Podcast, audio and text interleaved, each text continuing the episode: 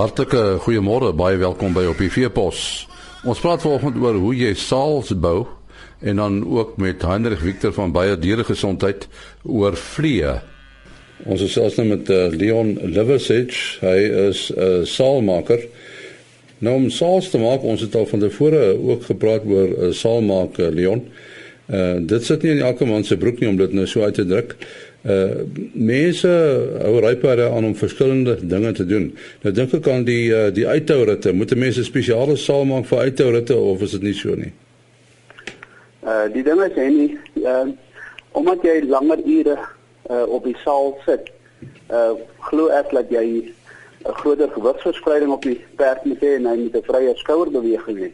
Dit so definitief dink ek verseker ehm um, jy weet uh, moet 'n mens kyk na 'n tipe salf spesifiek vir uitdrukke.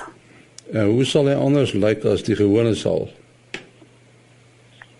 En die gewone salf uh wat 'n soft panel salf is, die salboom byvoorbeeld van jou gewone salf uh pas nie heeltemal op 'n perd se rug en dan maak hulle jy weet dan sit hulle kussings op om hom te maak pas. Ek glo daaraan dat jy uh moet kyk dat jou salboom op 'n perd se rug pas Die ander ding ook is dat eh, 'n uh, mens 'n jonger perd se rug uh, verander, jy weet, soos wat hy fikser raak, meer spiere bou en daai klas van hom. As jy praat van saalboom, watter deel van die saal is dit nou? Dit is heeltemal dis die binnekant van die saal, dit is dis sy kern. Is dit die deel wat op die perd rus? Dit is dit is die vorm van van die perd se rug en wat jou bou. Jy weet dis eintlik wat gebeur is dat dit die die gedeelte wat tussen jou en die perd is. Jy weet hmm. hy moet op die perd se rug pas en hy moet jou bou jou boude gemaklik laat sit. So dit is eintlik 'n kombinasie. Dit trou jou en die perd aan mekaar. Dit is wat die saal boom maak. Die ander die leerwerk is maar is maar uh, esteties uh jy weet om dit mooi te laat lyk. Like. En, en waarvan maak 'n mens nou eintlik 'n saalboom? Die ou saalbome is wat gemaak van hout. Ehm um, hulle gebruik deesdae sintetiese stowwe. Ons gebruik veselglas. En dit is maar 'n ding wat wat dan nie die, die maklikste werk en dan ook maklik repareerbaar is en so aan. En en uh, die deel wat nou aan die perd raak, is dit leer of uh, ander materiaal? Dit is ander materiaal. Daar's uh, verskillende materiale, jy weet, uh dis leer. Ehm um, wat wat die mens wat ons ook gebruik is 'n veld, jy weet wat dan 100% wol is.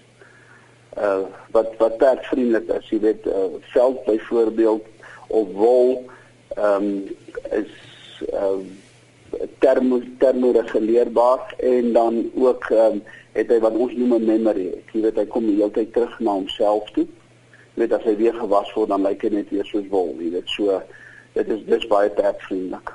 Hoe dink was met die mens so iets was? Ehm um, die die wol is baie uh, dat kos te was nie. Jy weet dis hoekom mense saalklikkies uh, gebruik wat dan weer tussen die saal en die uh, perd is. Jy mag kyk dat hy nie harde kolle maak of dat hy hard word en so aan. So jy nou jou diskresie daar gebruik. Nou ja, mense sê perde en perde, die walliese pony tot sê maar die eh, die groot vriesperde. Uh mens kan nie vir elkeen van hierdie perde 'n tipiese saal maak nie. Daar moet 'n saal gemaak word wat pas by die grootte van die dier, is ek reg? Ja, jy weet wat wat om dan uh jy weet wat by hom pas, maar gewoonlik wat gebeur is jou uh daar's van jou perde wat byvoorbeeld uh kambeen spiere het en party wat nie kambeen spiere het nie. Ek dink spesifiek aan ehm um, soos jou percherons en jou uh, vriesperde of arabierperde uh, wat kambeenspiere van jou volbloedperde het nie kambeenspiere nie. So daar is 'n daar is 'n 'n verskil aan die aan die perde se rugge. Leon, hoe lank neem dit om 'n saal te maak? As ek voltyds aan die saal moet werk, van van die begin tot die einde sal dit my so 'n week vat. En jy, jy voer ook saals uit, né? Nee? Ja, ek voer uit na uh Dubai, Bahrein, uh, Oman, dis nou die uh, ooste se uh, mark en dan voer ek ook uit Nieu-Seeland toe en Amerika en dan het ek ook al saals uitgevoer Engeland en uh Switserland en Swede. Nou, nou word alle saals in die wêreld met die hand gemaak of is dit uh ook hoogs geïndustrialiseer? Nee, die die ding is uh, jou jou saals is maar dis maar hande arbeid. Meeste van die van die saals is hande arbeid. So dis nie 'n ding wat jy een kant in 'n masjien indruk en hy kom aan die ander kant uit. Dit was aan Leon Liversidge wat gesels het oor uh, saalmaak. Ons gesels nou met uh, Heinrich Victor van Beyer en uh, die keer praat ons oor iets wat ons almal ken en dit is vliee. Nou uh, hoekom is uh, vliee so uh, noem dit nou maar 'n probleem vir 'n boer, uh, Heinrich? En ja, vliegbeheer is definitief 'n moed om winste te beskerm vir ons boere.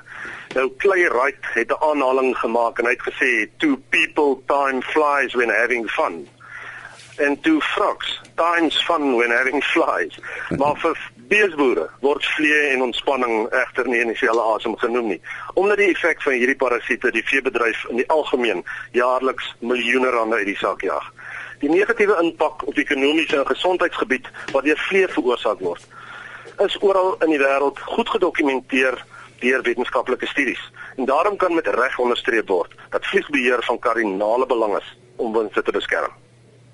En, en uh, hoekom is die beheer dan so belangrik? Wat wat, wat skade kan hierdie insekte aanrig? En ja, dit is verskriklik belangrik. Nou die twee hoofredes tot kommer by lewende hawe as gevolg van vliegbesmetting is die irritasie in eerste plek wat dit veroorsaak en dan die oordrag van ernstige siektes wat daarmee gepaard gaan. Nou uh irritasie, uh, jy weet, uh, tydens uh, uh, in tydens die besmetting sal beeste en by die irritasie wat dit veroorsaak, sal beeste geweldige hoeveelhede energie gebruik deur die beweging van die koppe en gedurende swaai van sterte in pogings om die vlee te verjag. Diere sal ook skaduwees opsoek en gaan lê. Hulle sal pensdiepte in waterpoele en gronddamme gaan staan en groepe saamdrom om die aanslae van die besmetting die hoof te probeer bied. Nou die oorlasfaktor wat deur die vlee veroorsaak word, is dit maklik om te sien en te verstaan. Jy weet ons ondervind dit by ons mense ook. Jy weet as een vlieg rondom jou draai, is jy geïrriteerd en dit is groot irritasie. Nou as gevolg van die irritasie verloor diere beduidende hoeveelhede wydheid en rus wat dan die oorsaak is van verlies aan liggaamsmassa en melkproduksie. Daarom dis die afname in volume van suiwelprodukte asook minder beesvleisproduksie omdat as gevolg van die minder melkproduksie ligter kalwers gespeen word. Nou uh jy weet gesigvlee is verantwoordelik vir hierdie irritasie en hierdie vlee voed normaalweg op die vog rondom die oë, neus en die en die gasheer. Jy weet jy kan gedurig sien die diere wat hulle koppe swai. Nou hierdie parasiete is dan ook die vernaamste verspreiders en ons almal ken die siekte pink eyes in beeste. Mense kry dit ook in mense. En, en waar uh weet word, die vlee uitgebroei hoofsaaklik? Is komposhope? Die hoofbronne en teelaardes vir vlee is gekonsentreerde gebiede. Soos kalverhokke en melkstalle en dan ook komposhope wat jy nou reg genoem het. Skure met hartjiesvloere as ook skure en stalle wat gebruik word vir drooghou van diere tydens skure weer is nog ideale broeiplekke vir vlee. Nou populasie aanwas van vlee kan gereedelik beperk word deur goeie bestuur en ons kom altyd terug na die bestuurs uh aspek toe. Nou die eerste bestuursaspek waarna gekyk kan word is higienebeheer. Byvoorbeeld, wat kan ons doen? Verwyder materiaal soos voerreste en klamhooi wat kan dien as broedplek op 'n weeklikse basis uit versamelplekke van vlee. Nou mis en beddegoed in kalverhokke moet op 'n weeklikse basis verwyder word. Stalvloere moet gereeld gedreineer word en openinge in voerkrippe waardeur klammateriaal kan vermors, moet ook herstel en geseël word. Jy weet, dreineringsprobleme wat die vermenging van modder, mis en voerreste uh, tot gevolg het. En 'n opeenhoping langs heininge en krippe en bergingsfasiliteite kan veroorsaak moet geëlimineer word. Nou dan het ons ook die tweede bestuursaspek en dit is die chemiese beheer. Nou verskeie metodes en produkte is beskikbaar waaronder spuitdippe en opgietmiddels gewilde roetes van beheer is. Nou in die eerste plek spuitdippe wat ons almal ken en 'n maklike manier is uh wat gebruik kan word aktiewe bestanddele wat daar baie baie goed werk is sintetiese piritroïde in kombinasie met organofosfate of alleen. En dit bewerkstellig dan ook vinnige en aanvanklike populasie uitkloppe. Dan het ons 'n tweede manier en dit is die opgietdippe wat ook baie baie bekend is en dit is baie baie maklik om aan te wend. Jy weet, uh, veral vir ons diere wat uh, in ekstensiewe toestande loop en hier kan ons ook sintetiese piridroïde soos hipermetrine, flumetrine en ook deltamatrine gebruik wat baie populêr is. En hoe kan die boer seker maak dat daar uh, jy weet sy plaagbeheer veilig is? OK, en die, en die, uh, dan net laastens kan ons dan nou sê uh en dit is baie belangrik. Jy weet en dit kan ons van toepassing maak op ons algemene uh boerdery bestuurspraktyke waar daar enige chemiese middel betrokke by is. En dit is eenvoudig. Lees aanwysings op die etiket noukeurig voor gebruik om enige ongerief te vermy. Maak seker dat alle waarskuwings en voorsorgmaatreëls goed verstaan word voor toediening van 'n produk. Met ander woorde, lees die etiket, is daar melkonttrekking, is daar nie melkonttrekking nie waar ons uh praat by ons suiwelkuddes byvoorbeeld. Bergplaagdoders in oorspronklike houers en hou weg van kos en voere. Hou plaagdoders ook buite bereik van kinders. Lewenawe en troeteldiere. Dit is algemene goed wat altyd op die etikette staan, maar wat mense nie altyd lees nie. Nou gebruik ook middels slegs volgens voorskrif en moenie met enige ander mengsels uh en middels meng nie tensy so aangedui. Nou die vernietiging van leeuhouers moet op 'n veilige en 'n effektiewe wyse geskied. Nou deur hierdie bestuurspraktyke te volg en jy kan ons met redelike sekerheid en akkuraatheid ons vliegprobleem aanspreek. Dit was Sander Victor van Baie Diere Gesondheid. daarmee ook die einde van die program. Tot volgende keer. Alles van die beste. Ah.